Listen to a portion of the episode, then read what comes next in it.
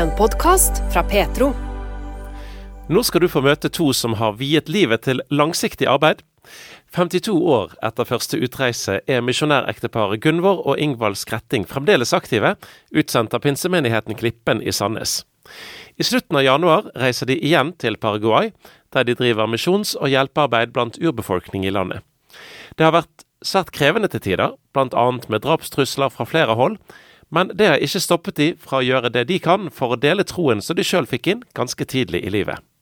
Ja, Foreldrene mine var ikke personlig kristen, men de sendte oss eh, på søndagsskolen helt fra vi var små. Så jeg hadde jo holdt på å si Jesus med meg helt fra jeg var liten. Og da jeg var 15 år, så tok jeg et personlig standpunkt for Jesus. Det gjorde jeg. Og du da, Ingvald? Jeg eh, Mine foreldre var ikke heller kristne. og jeg hadde ei tante, eller to tanter, som var kristne, som tok meg med litt på møte på Klippen på Sandnes, pinsemenigheten. Og der tok jeg et, et personlig standpunkt når jeg var elleve år og fikk virkelig oppleve frelsen i Jesus. Og det var en spennende start på et interessant liv. Mm. Så allerede som elleveåring så skulle det bli lagt ned noe i deg i forhold til misjon? Ja, det ble sånn, altså. I den tida hadde vi veldig mye besøk av misjonærer på, på Klippen òg. Og eh, da fikk jeg det inn litt etter litt, og så vokste misjonskallet fram. Og eh, jeg ble vel bevisst på det når jeg var en, eh, 16-17 eh, år, så var jeg bevisst på at jeg hadde et kall. Det hadde jeg. Men det var ikke så lett å bekjenne det, og jeg traff Gunvor. og hadde ikke så lyst til å fortelle henne heller om det, for jeg hadde jo lyst til å etablere meg hjemme eller her eh, med, med ja, med hus og, og jobb og, og, sånne ting. Men så spurte hun meg direkte en, en, kveld om jeg hadde kall. Og da måtte jeg ta en avgjørelse og fortelle henne hva som, var, som lå i hjertet mitt. Og det kunne vi bestemme oss begge to for at eh, vi satser på misjon. Mm. Og det var veldig greit, så vi tok det opp med Klippen. Da var vi vel en 18-19 år. Og bekjentgjorde at vi hadde kall, og ble kandidater for Sør-Amerika, som vi følte for indianerne der. Mm. Så du eh, fikk kall og kjente for det samme, at dere skulle ut? Uh, ja, jeg fikk et ord i, i, fra Bibelen som jeg uh, i. Og det, det sto der 'Dette er min vilje'. Dette er min vilje for, for dere. Så det hvilte jeg i. Og jeg har uh, alltid følt at uh, det har vært noe vi har gjort sammen.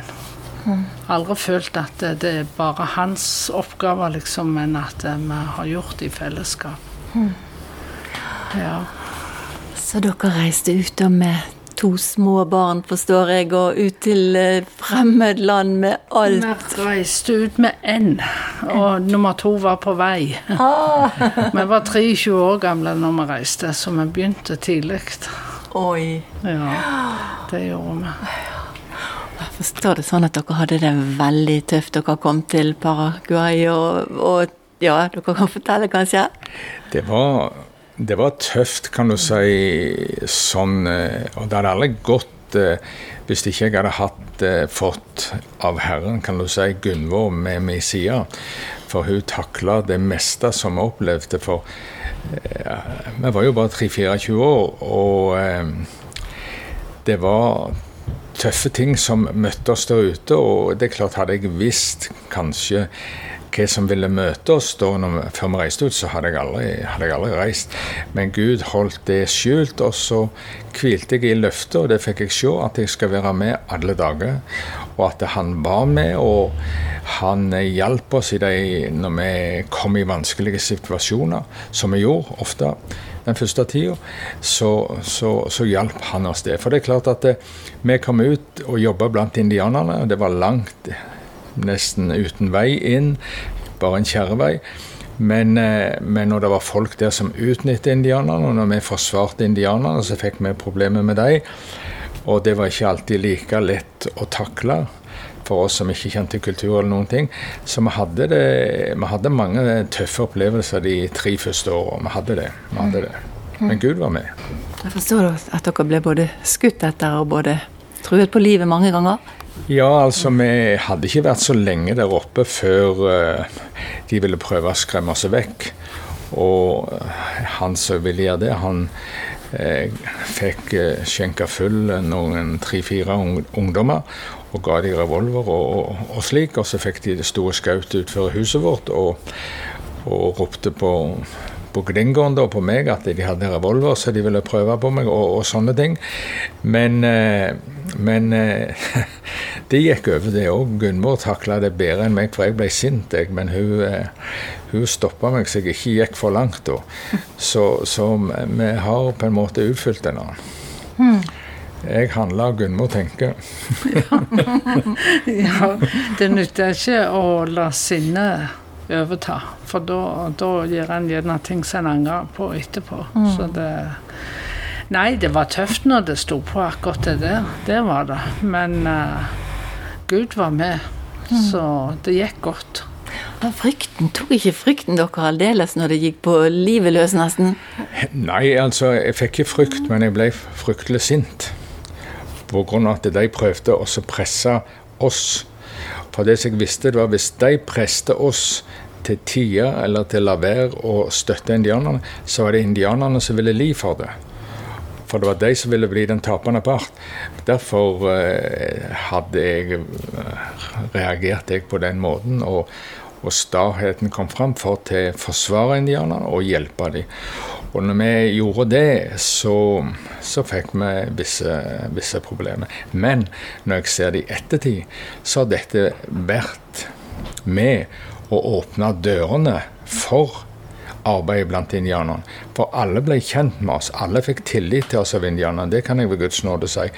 Alle stolte på oss, for det hadde vi vist i handling. Det var ikke bare noe vi hadde sagt, men vi hadde vist det med, kanskje med fare for oss sjøl, at vi ville hjelpe dem. Så alle dørene hos indianerne i det området som har vært, de har vært åpne for oss. Det har det. Mm. Jeg forsto det sånn at det var en episode òg at eh, Gud på en måte tok frykten vekk, som jeg leste på nettet? Ja, Gud tok frykten vekk, for at eh, det var mange som truer oss på livet. Og jeg kan jo fortelle det. Altså Gud, de, de truer oss på livet og, og, og, slik hun sa at vi skal likvirere dere, vi skal ikke gjøre det sjøl, men vi skal få noen til å gjøre det. Og dermed så fikk de inn en, eh, en arbeidskar som jeg visste var som en eh, slags eh, Ja, om han ikke var leiemorder direkte, så hadde han jo litt av hvert på samvittigheten. Så jeg tenkte at eh, er det han som skal gjøre det? Og da begynte jeg å, å bli litt engstelig. Men eh, jeg hadde ikke, jeg var ikke så gammel heller. 25 år da, kanskje. Og eh, jeg hadde ikke lært så, så hvordan å takle sånne ting. Men jeg eh, var ikke forberedt på det. Så jeg hadde to ting som jeg avreagerte med. Det var at jeg skjøt blink med ei rifle som jeg hadde fått å gå på jakt. Og skjøt masse blink og var treffsikker med den. Og så hadde jeg en halvtamme hest, en skikkelig skikkelig hest som jeg rei som en villmann med. Og men det forstår jeg etterpå at det var den måten jeg hadde for å avreagere. Ikke sant? Jeg forstår det i litt mer psykologi nå enn jeg gjorde da. At det, det, det, det var til å avreagere på den måten. Og så ble jeg redd, eller frykten begynte å ta. Så sendte jeg med penger for å kjøpe Volvo. For de oppmuntrer meg, myndighetene, de sentrale myndighetene i departementet. Ha, våpen, ha våpen, du må ikke gå uten våpen. Og så begynte jeg. Så sendte jeg med penger med en handelsmann som skulle til Brasil og kjøpe våpen. Og så sa jeg kjøpt en spesiell sort revolver som jeg ville ha. Og så skulle han gjøre det. To bestilte. Men eh, så kom ikke Så fikk ikke han den Fant ikke han den sorten. De hadde han ikke. Så sendte jeg penger med han en gang til. Men da kom Gud til meg og sa Ingvald, stoler du på deg sjøl, på din treffsikkerhet, eller stoler du på meg? Og da når jeg tok den og sa nei, Herre, jeg stoler på deg. For all del, det er deg jeg stoler på. Da forsvant alt som heter frykt. Og jeg har aldri hatt brukt våpen eller hatt rifle, hagler sånn til jakt og sånn, men, men, ikke noe for å forsvare seg eller, eller noe. Så Alle brukte i bilen når vi kjører. eller sånt. For Gud tok det vekk, og han har vært med senere. Han har det hele veien. Men det var tøft, for lensmannen var ute etter oss og ville ta oss de lokale myndighetene var etter oss. og sånn, For at indianerne hadde mye verdier i skog som de ville ta ifra dem. Og det var da jeg begynte å bli, legge meg opp mot de lokale myndighetene og sa dette har dere ikke lov til å gjøre. Dette har dere ikke rett til å gjøre. Og forsvarte, og han ble rasende på oss, vi diskuterte veldig da, altså. Og jeg med min gebrokne spansk på den måten, jeg snakket jo mest ikke spansk, så det, det, jeg forstår godt at jeg ble sint på en oppstandasig utlending som kom. Men det, tanken min var at jeg ville forsvare indianerne, og jeg firte ikke en tomme på det. Det gjorde jeg ikke, og det er jeg glad for i dag at jeg ikke gjorde. Du da, Gunvor, oppi alt dette her, var ikke det tøft for deg òg? Jo, du kan si det. Jeg husker, jeg husker en gang eh, de sa, naboen sa det at jeg skal ikke jeg skal ikke drepe dere sjøl, men jeg skal få noen som kan gjøre det. Og det er klart at sånne ting det, det går litt innpå deg. Og så hadde jeg ansvaret for poliklinikken. Og så kom en av disse arbeidskarene til, til den naboen og ville ha hjelp på poliklinikken. Da var jeg litt bevende. Men uh, heldigvis fikk jeg hjelpe han. Han ble uh, frisk av det han hadde. Han hadde et stykke sår, og jeg hadde rette medisin til han. Og han var så takknemlig etterpå, så jeg tror ikke han hadde noen tanke for å skyte oss. Mm. Det tror jeg ikke. Så jeg, jeg, føler Gud var med hele veien. Det, på tross av all uroen rundt oss, så hadde vi ro. Vi hadde det. Og det fungerte jo som uh både sykepleier og lege. Selv om du ikke var det, så måtte du ta alle sånne oppgaver, forstår jeg? Ja, du måtte, det var ingen andre. Og de kom til oss og, og måtte jo gjøre det, det, jeg klarte. Det som jeg ikke følte at jeg greide, det Da tok vi med i bilen, og så kjørte vi hvor mange mil? Ti mil. Ti mil for å komme til lege. Så det er klart at hvis jeg klarte å gjøre noe sjøl, så prøvde jeg jo på det. Så det ble litt sying og litt forskjellig. Men... Så, så hendte det mye at eh, jeg reiste jo mye med indianerne for å ordne saker for dem, og Gunvor ble alene hjemme med ungene og hadde sykestue og det. Og da kom folk med litt av hvert, og da var det ikke bil i huset eller noen ting, så da var hun nødt til, til å ta seg av alt. Ja, jeg var jo det. Så det gikk godt. Jeg vet ikke om jeg hadde gjort det i dag. Men, men da var jeg ung, og da hadde jeg pågangsmot, så da, det gikk godt. Det gjorde det. Jeg husker en episode der det var en som hadde skåret seg så stygt i håndleddet. og jeg tenkte går dette bra? For de hadde knytta rundt armen hadde de knytta for å stoppe blod. Men når jeg begynte å sette bedøvelse og skulle sy, så hadde jeg med meg en kar i på, på hospitalet der, og så sa jeg til han at nå må du be, sa jeg. For det pumpa så mye blod hele veien. Jeg tenkte går dette? Og han ba til Gud, og jeg sydde. Og når jeg tok det siste stinget, da stoppet blødningen. Da var det ikke mer blod. Og jeg sa til han du må reise direkte til en lege, for jeg kunne ikke kjøre han til noen lege. Jeg hadde ikke noen bil der da. Så du må prøve å komme deg til lege og få han til å se på dette her, sa jeg. For jeg, jeg har bare lukt igjen. Jeg vet ikke om, jeg, om, det er helt bra. Men jeg hørte ei uke etterpå så var han i full jobb igjen. Han hadde ikke reist til noen lege, og det gikk godt. Utrolig. ja. Så Gud er god. Ja. ja. Dere har jo mange sånne utrolige historier, forstår jeg. Sånn som så en om nødbønn, forstår jeg. Så Gud grep så mirakuløst inn, og at uh, forskjellige og medisinmannen som ville be for deg. Kan du fortelle litt? Fortelle. ja, altså Nødbønn, det har vi opplevd at, eh, at, Gud har hørt flere ganger. Altså, du har ikke hatt noe proklamasjonsbønn, men det har vært en bønn, kjære Jesus, nå må du hjelpe. Og en som ble skutt med kule, som gikk inn på i, under den ene skuldra og kom ut under det, kryssa kroppen og kom ut i den andre sida. Altså han, eh, han lå i fem dager eh, på misjonsstasjonen før vi fikk eh, han ned til hospitalet. Og han blødde så mye. Han lå på en bomullsmadrass. og vi hørte det sirla på gulvet, så jeg trodde han tissa på seg, og sånn, men så var det blod så, rant, og han mista enormt med blod. Men vi ba ei bønn, og han sovna den første natta og sov. Våkna dagen etterpå med veldige smerter og rista i senga. Og han eh, Da ba vi igjen litt mer tro hadde jeg da kanskje at noe kunne skje. Og da forsvant smertene for å være vekke for alltid. Og når han kom ned med fly Bar, de bar han eh, Jeg kom ut den fjerde dagen, og de bar han på ei båre ei mil, for der var det en, ei flystripe. Og så eh, fikk de han ned til hovedstaden, og da sto jeg og venta på han der. Men eh, legene og kirurgene på baptistsykehuset i hovedstaden de kunne ikke forstå De forsto det jo, men det er jo helt umulig at han var med full bevissthet og ikke hadde vondt eller noen ting. Og han lever den dag i dag, og det er 50 år nå siden, nesten siden dette hendte. Ja, så han, der, der, der, viser Gud sin allmakt. Og det, det, det var rett og slett en nødbønn som vi hadde. Og da forsto indianerne, medisinmenn og alle, forsto at dette var det høyere makter som sto bak. Og når jeg tok det som eksempel seinere, når jeg eh, vitna eller predikte der ute, så, så, så jeg bare de satt og nikka, for det var de enige i. Dette var noe som hadde skjedd. Mm. Men så hadde vi et godt forhold med medisinmenn òg. Eh, mange har ikke trodd det, og de kom fra Norad og skulle kontrollere, for vi hadde et Norad-prosjekt, hvordan vi behandla indianerne. De var litt overraska at vi hadde sånn en kontakt med medisinmennene og de andre. Men du levde iblant de, og du ble en venn iblant de.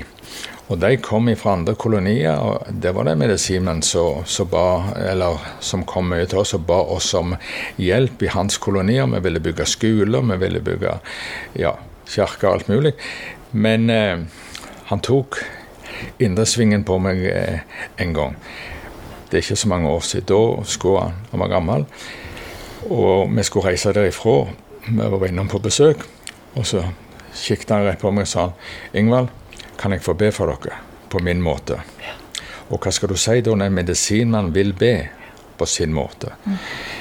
Eh, så tenkte jeg nå må jeg svare fort. Og ba Gud om hjelp. da. Det var ikke lange bønner, det var vel bare en tanke jeg sendte opp til Vår Herre. Men så, så kom svaret. Ja, ligger i seg.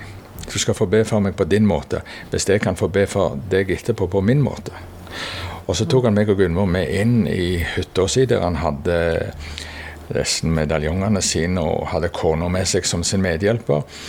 Så tok han Gunvor først og skulle be for henne, og jeg var jo glad for det, så fikk jeg se hvordan det foregikk. Og da tok han henne i hånda, og så holdt han den. Han sa ikke et ord, sto bare med hånda hennes eh, i si hånd, sine hender. Og så trekte han i langfingeren til slutt. Og så sa han jeg kjenner bare fred og ro. Trygghet. Du har ingenting å engstes for, du har ingenting å bli redd for. Han smilte, han mm. da. Og så tok han av henne eh, de eh, smykkene som han hadde hengt på henne, og så hengte på meg. Og så fikk jeg òg eh, det samme tilbudet, eller han tok hånda mi og holdt den uten et ord. Og så trekte han i fingeren til slutt, langfingeren, og så sa han du har ingenting å frykte, Ingvald. Det er bare fred og ro, trygghet. Alt, alt, alt er bra. Og han smilte sjøl.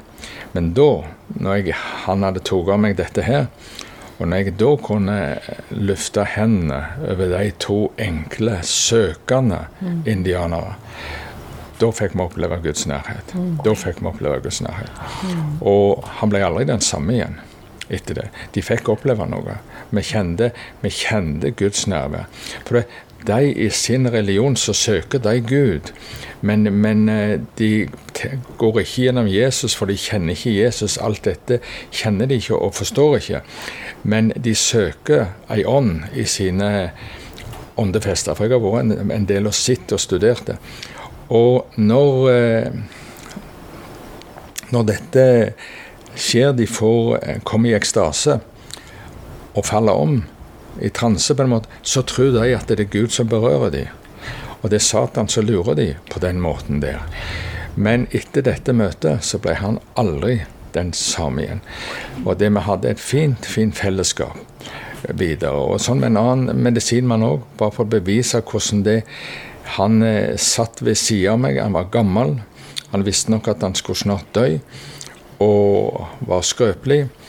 Og så var jeg innom og besøkte han, og da sa han det. Jeg, jeg drømte om deg i natt, så jeg visste du skulle komme, sa han. Det var det han sa.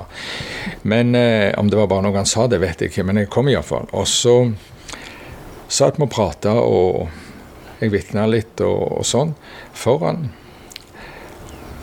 Ga han litt eh, penger, så han kunne kjøpe Jeg sa nå kan du kjøpe deg litt mat, eller noe sånt, men jeg visste han, han kom til å bruke det på på tobakk, for det var noe han, han setter pris på å tygge på tobakk. Men eh, for meg gjorde ikke det noe. La han kjøpe det han vil for det, tenkte jeg.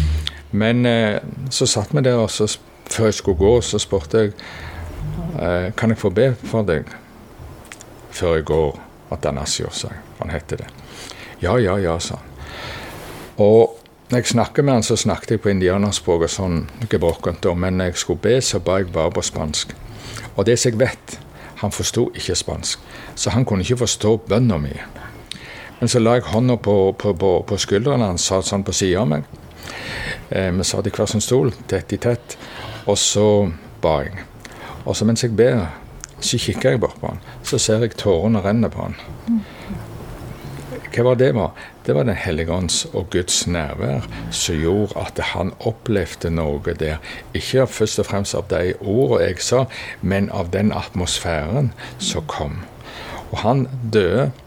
Og han som sa det passet på han, han døde, han sa han døde fredfullt, nærmest med et smil. Mm. Så, så hva var det som skjedde? Han begynner ikke å grine av seg sjøl. Det var en berøring han fikk av ei høyere makt ifra himmelen som gjorde det. Så det er gode minner å ha med seg. Så jeg regner med at begge disse to medisinene vil jeg treffe igjen. De visste ikke om Moses, de kunne ikke vite om Abraham eller alt dette her som er naturlig for oss. Men de fikk kjenne at Gud berørte dem. Mm. Så det er gildt å tenke på. Oh, det skjedde virkelig ting i åndeverden her. Ja.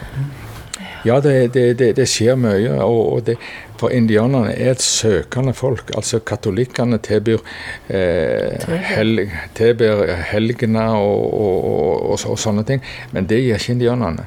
Det er et åndelig folk som tilber i ånd. og de mener det sjøl at de ber til Gud. Men du vet når de ikke går via Jesu navn, så går de feil. Da, da, da går de feil. Og da kommer de ikke i kontakt med Gud, for Jesus sa 'jeg er veien, sannheten og livet'. Ingen kommer til Faderen uten med meg. Og sånn er det der ute for disse nå. Men når du får vite, vise dem det, så skjer det ting. Så skjer det ting. Og det er fantastisk. Så det er spennende å leve det livet som jeg er glad for og takknemlig for at vi får lov å leve det livet. Du lytter til en podkast fra Petro. Vi ønsker å formidle tro, rotfestet, redelig, reflektert og relevant, slik at du blir inspirert til etterfølgelse av Jesus. I tillegg til podkaster og webradio kan du høre Petro på DAB 24-7 mange steder i landet. Gunvor Ingvald Skretting forteller at det er masse som har skjedd, og masse som har endret seg etter at de to reiste ut til Paraguay for første gang. Men det to, blir 52 år nå siden vi reiste ut første gangen, så det, det er noen år. Jeg eh, har trives veldig godt der ute, det har jeg. Og oppgavene har jo vært mange og forskjellige, de har jo det. Men uh, det har vært godt å, å, være med. Det har det. Mm. I det senere året så har vi satsa mer på å prøve å hjelpe ungdommer, sånn fattige ungdommer indianerungdommer og andre fattige av mestisbefolkningen, så de får studere. Så vi oppretta en stiftelse for uh, hjelp til fattige studenter. Og nå er det flere av de som har uh, fått seg skikkelig utdannelse. Leger, sykepleiere. Uh, lettrikere Ja, forskjellige oppgaver. Og lærere, ikke minst. Det er mange av de som har blitt lærere. Mm. Og da Indianerne de har mye gått tilbake igjen til sine egne. Med, med den utdannelsen de har fått, lære å undervise på, på skolen. Så de har fått skikkelig gode lærere til å undervise. Så bygge stein på stein.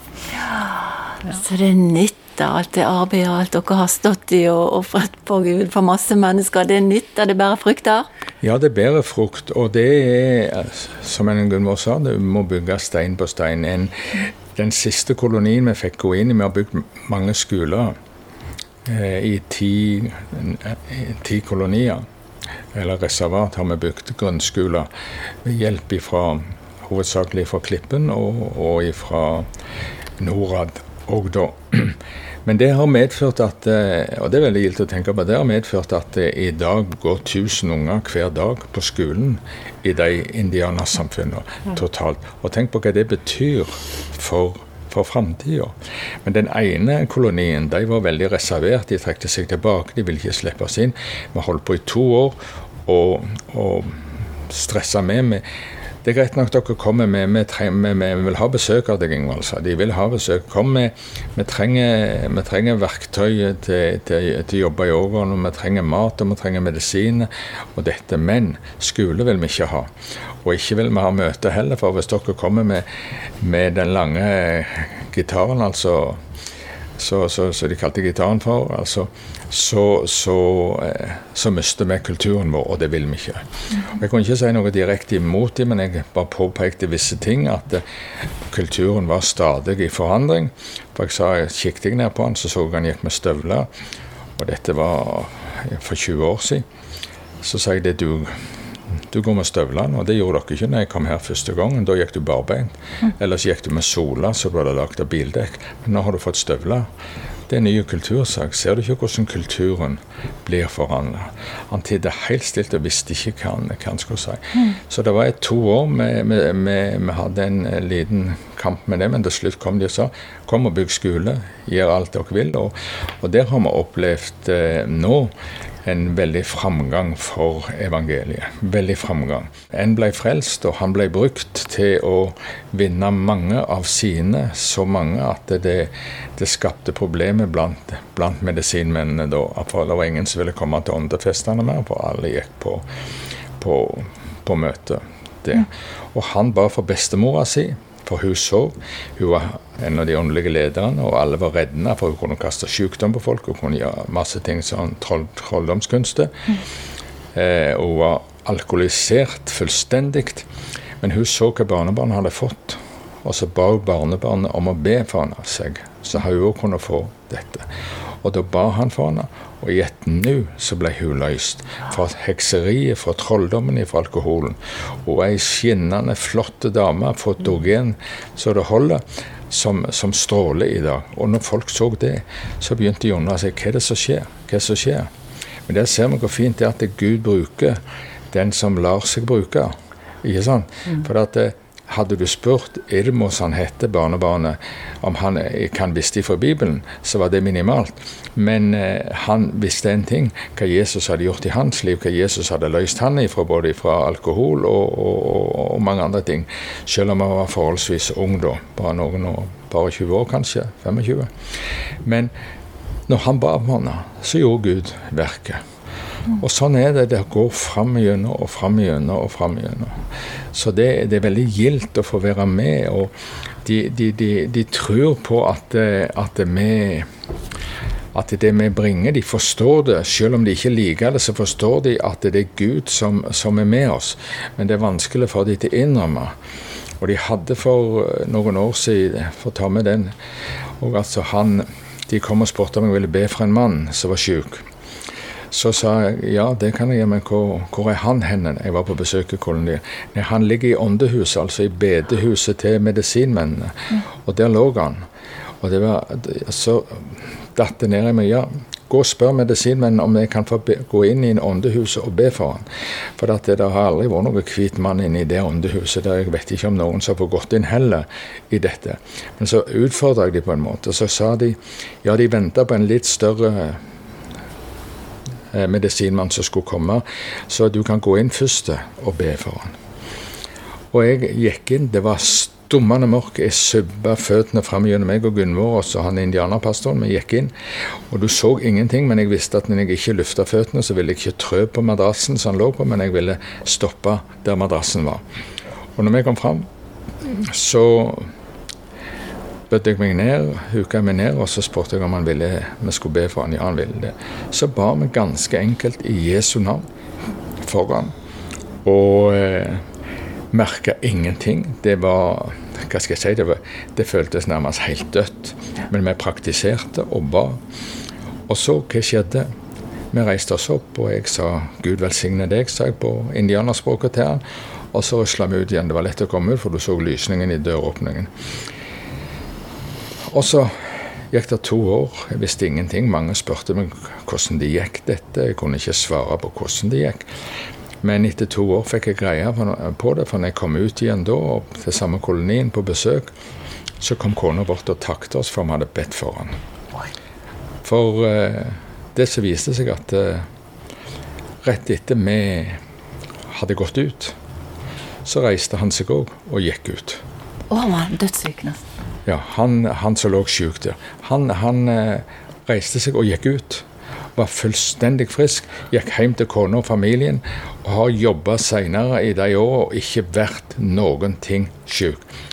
Men det som skjedde, det var det at eh, etter han var gått ut, så var huset tomt. Og så kom han medisinmannen som hadde kommet gående langt ifra, og så skulle be for ham, men det var ingen å be for, for han hadde helbreda og tatt hånd, tatt hånd om. Så, så, der ser vi hvordan det virker når, når, du praktiserer. Men det var ikke det at du må gire deg opp i en spesiell stemning eller noe sånt. Altså Når du praktiserer ordet, så ser du at ordet virker i seg sjøl.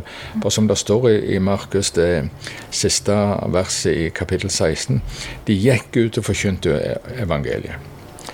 Og Herren virket med og stadfeste ordet med de medfølgende tegn. Det er det som er løftet. Og det ser vi at når vi praktiserer det, så holder det enten det ute i Paraguay, i skogen der, eller det her hjemme i Norge. Når vi praktiserer Guds ord, så har vi løfte om at det virker. Så dere fikk bygd Virkelig, Gud sørger for at tilliten ble bygd opp til indianerne, og så skjer dette her at de vil ha deres Gud. Men, men, vi hadde en forferdelig tid etterpå, for at de, de medisinmennene, og du utfordrer jo mørkets krefter. Og de, de, freste imot oss, kan du si, som hadde forferdelig vanskelig, som vi slutta å ha møte der nærmest et par år. Helt til det, for, og det var, det var kreftig, kreftig sving. Og han pastoren vår han ble skjelt ut etter note og kjeppjagt nesten. Men etter et år så kom pastoren, nei, høvdingen, gamle høvdingen opp og besøkte han og ba om tilgivelse for at han hadde reagert sånn, og ba om han komme tilbake igjen. Og han begynte å reise litt tilbake og besøke dem igjen sånn. Så nå er vi på, på full fart igjen på den plassen der. Så jeg håper det at vi i løpet av et par år kanskje kan få begynne å bygge ei kirke der. For det er ikke godt til det samler en 40-50 mann under noen eh, eh, appelsintre eller, eller, eller, eller, sånn. Det, det, det, er ikke godt å bygge en menighet videre på, på det, så vi må ha et eget lokal, og det, mm. det skal vi prøve å få til. Så dere står på fremdeles og gir dere ikke, selv om dere ikke er 20 lenger? Nei, vi kommer til å reise ut igjen. Vi har, vi har ikke gitt opp ennå. Nei, så lenge, så lenge helsa er det og, og, folk vil være med og støtte oss, så, så kommer vi til, til å fortsette. Vi, gjør det. Mm. Jeg vet at du, eh, du Ingvald, har en sånn livsfilosofi eller et eller annet, kan man kalle det. Altså, ikke, ikke i opp, altså, om vi feiler, så gjør det ikke noe. Nei, vi må ikke være redde for å feile, for den største feilen er til ikke gjør noen ting. For den som ikke vil feile, han eh, får ikke gjort så mye heller. Men det er godt at eh, det er klart vi skal ikke prøve å feile, men vi skal ikke være redde å feile. Men vi kan lære av feil og justere oss etter det. Etter det. Mm. Så det vi har prøvd nå, det er til å lære indianerne. Eh, vi driver jordbruk med kyr. Vi dyrka jorda si skikkelig, og, og sånn så vi har hatt masse hjelpesendinger. Vi har fått ut flere traktorer og, og redskap og, og, sånn. Og vi ser at det òg går. For det, skal de, skal de kunne drive en menighetsarbeid sjøl, så må de bli sjølberga. Du kan få tiggere frelst, men det er vanskelig for tiggere å kunne drive et menighetsarbeid og ta ansvaret for det. For hvem skal betale for motorsyklene når du kjører? Utpostene ligger fire mil hver vei, altså en, en radius på åtte mil, eller fire mil. Men, eh, men, hvem skal betale når motorsyklene går sunt? I dag er det lett, som jeg sa, for da kan dere bare ringe til Ingvald og så si dere trenger så og så mye penger. Men den dagen Ingvald ikke er med, hva skal dere gjøre da? Og det er det jeg er redd for, for det har jeg sett mange ganger, at mye av det som misjonærene kanskje har dratt i gang. Når misjonærene ikke er der, så stopper det. Men det jeg har lyst til, det er at det er noe som skal gå videre. Det skal ikke være eh, å be stå og falle med oss, kan du si. At den dagen vi legger ned, så, så er det ikke mer for de nasjonale, og så, og så smuldrer det hen. Men at det, det, skal gå og drives av seg sjøl. Ja. Ja. Det er det jeg håper på. Ingvald, du har jo fått mye å slite med på mange måter, og det skjedde noe forferdelig tragisk eh, med et barn òg, når du var i Paraguay? Ja, det var vel i 73, eh, tror jeg det var at jeg jeg skulle ned og handle til jul. Det var i desember, begynnelsen på desember. Og eh, sende post hjem og, og, og slik, for det var 40 mil ned til hovedstaden. Vi hadde så langt for å hente post og sende post. Også i en liten by så, så jeg gå, gikk hovedveien gjennom byen, landsbyen der, og der eh, Det var hovedveien fra Brasil, gjennom Paraguay til Brasil. Der sto det to store trailere, en på hver side, så jeg måtte kjøre midt i. Og så plutselig kom der en gutt springende ut. bak en, Det var en liten skopusser på tolv år, tror jeg det var. Han, eh, han eh, skulle over på andre sida av, av hovedveien. Og så jeg så han ikke før han var rett før. Jeg bremste ikke engang. eller noe. Jeg husker bare ennå de to eh, dunk, dunk, dunk, sa det når akslingene på Landroveren traff han, for de la han ned og så kjørte over. Så han, han døde momentant. Og da ble jeg jo fengsla, eh, og jeg måtte ordne med advokat og, og, greier sånn. Det var helt normalt, det. Men eh, det var en tøff opplevelse. Det var det veldig tøft. Og, og, men eh, i den tida det var ikke så mye tanke for at du skulle ha noe krisehjelp eller, eller noe sånt sjøl, så vi måtte ordne det sjøl. Gunvor og ungene, det var to unge gutter vi hadde da, de var igjen oppe i skogen. Og jeg ble jo arrestert, men men så var Gud med der òg, for da var det plutselig en politi som kjente til misjonsstasjonen. Så de sendte, ikke, de sendte, meg ikke inn på ei celle, eller noe sånt, men jeg fikk gå ut på et pensjonat og leika meg inn der. Men jeg måtte melde meg hver morgen og så sitte inne der på hele dagen. Så, så det gikk godt. Du så at Gud var med gjennom det òg. Men hvorfor jeg skulle oppleve sånne ting, det er sånn du aldri får spørsmål på, eller får svar på.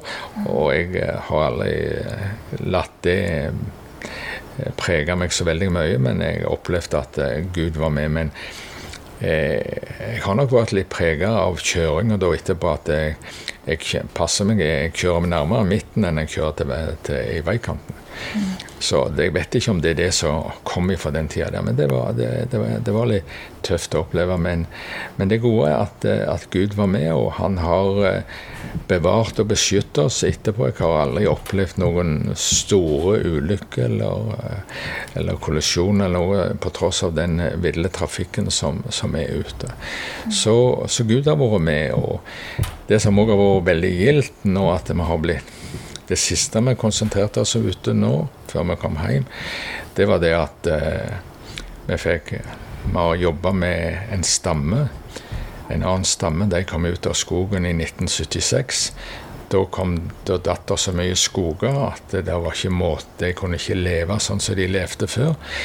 For, vi, for å si det litt stygt, de levde vilt med pil og bue og, og, gikk og jakta og hadde ikke klær eller noen ting sånn.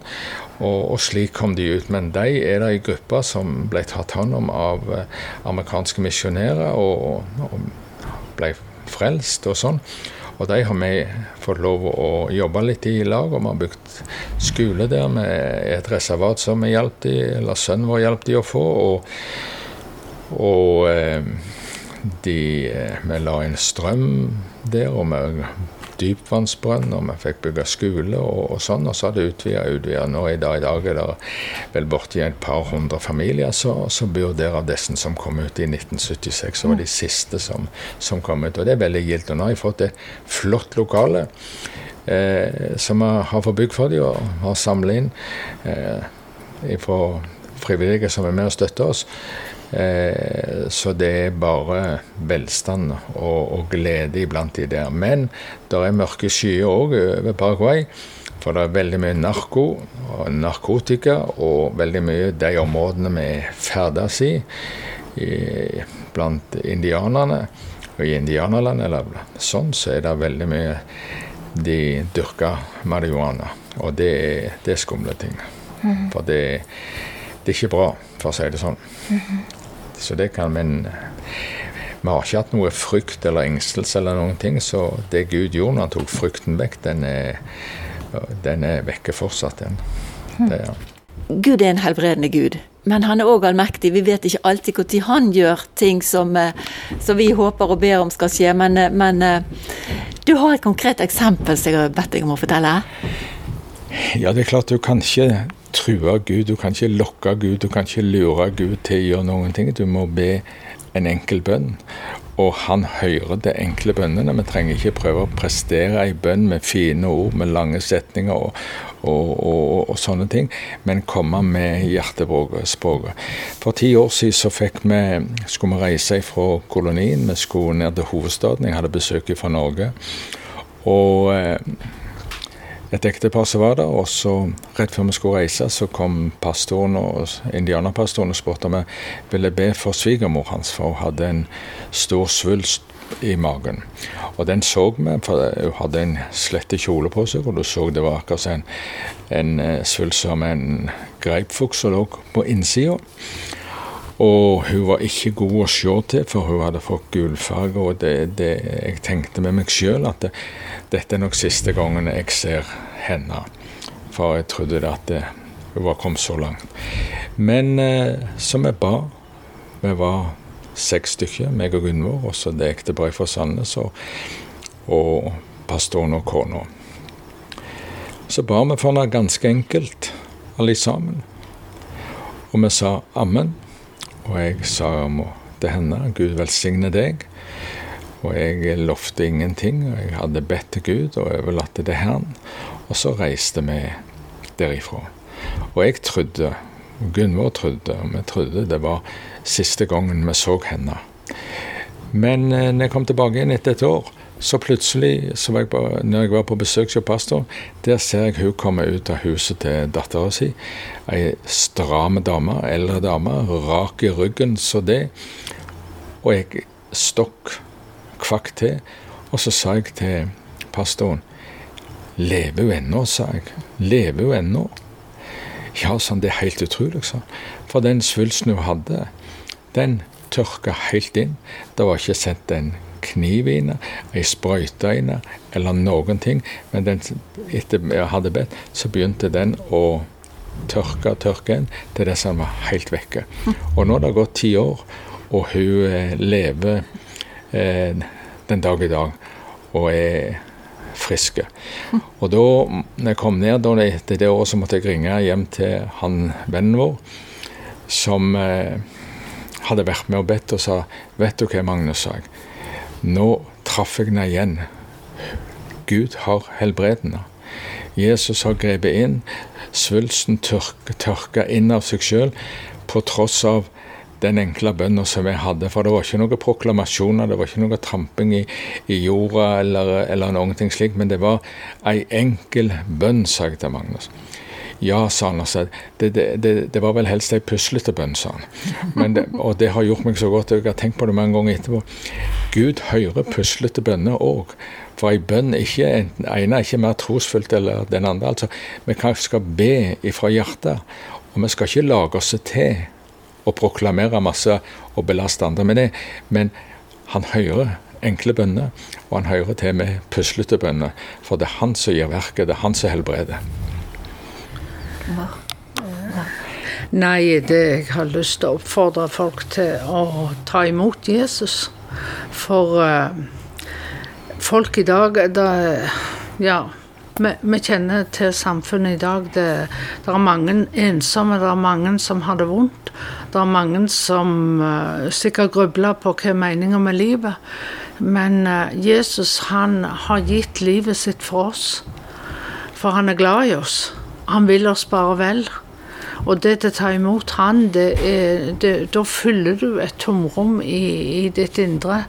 For alle sammen så har de nedlagt i seg lengsel etter Gud. For evigheten er lagt ned i oss alle. Og det er Gud som har gitt oss den lengselen. Derfor er det viktig at vi søker Han, for Han vil møte oss. Mm. Og det jeg har lyst til å, å si, og det til deg som er en kristen, uansett hva trossamfunn eller menighet en tilhører, at en virkelig søker å bruke det som Jesus har betrodd oss av talenter, av naturgaver og andre ting. For det, det er via oss det er via oss at evangeliet skal gå fram. Gud har ikke noen andre han kan bruke. Han kan ikke sende engler, men han kan sende enkle mennesker som har tatt imot han og som har opplevd han, de har noe å bringe til andre. Så la oss bringe videre det vi har fått. Så skal vi få se at Gud går med og stadfester. Men hvis ikke vi går, hvis ikke vi forkynner, så er det ikke så mye å stadfeste heller. Men det er når vi går, at Herren går med og stadfester. Mm. Så det skulle jeg ønske å oppmuntre alle. At vi tar en telefon, at vi gir en hilsen når Gud leder oss til det. Du har lyttet til en podkast fra Petro. Likte du det du hørte, setter vi pris på om du tipser andre om radiosendinger og podkaster fra Petro.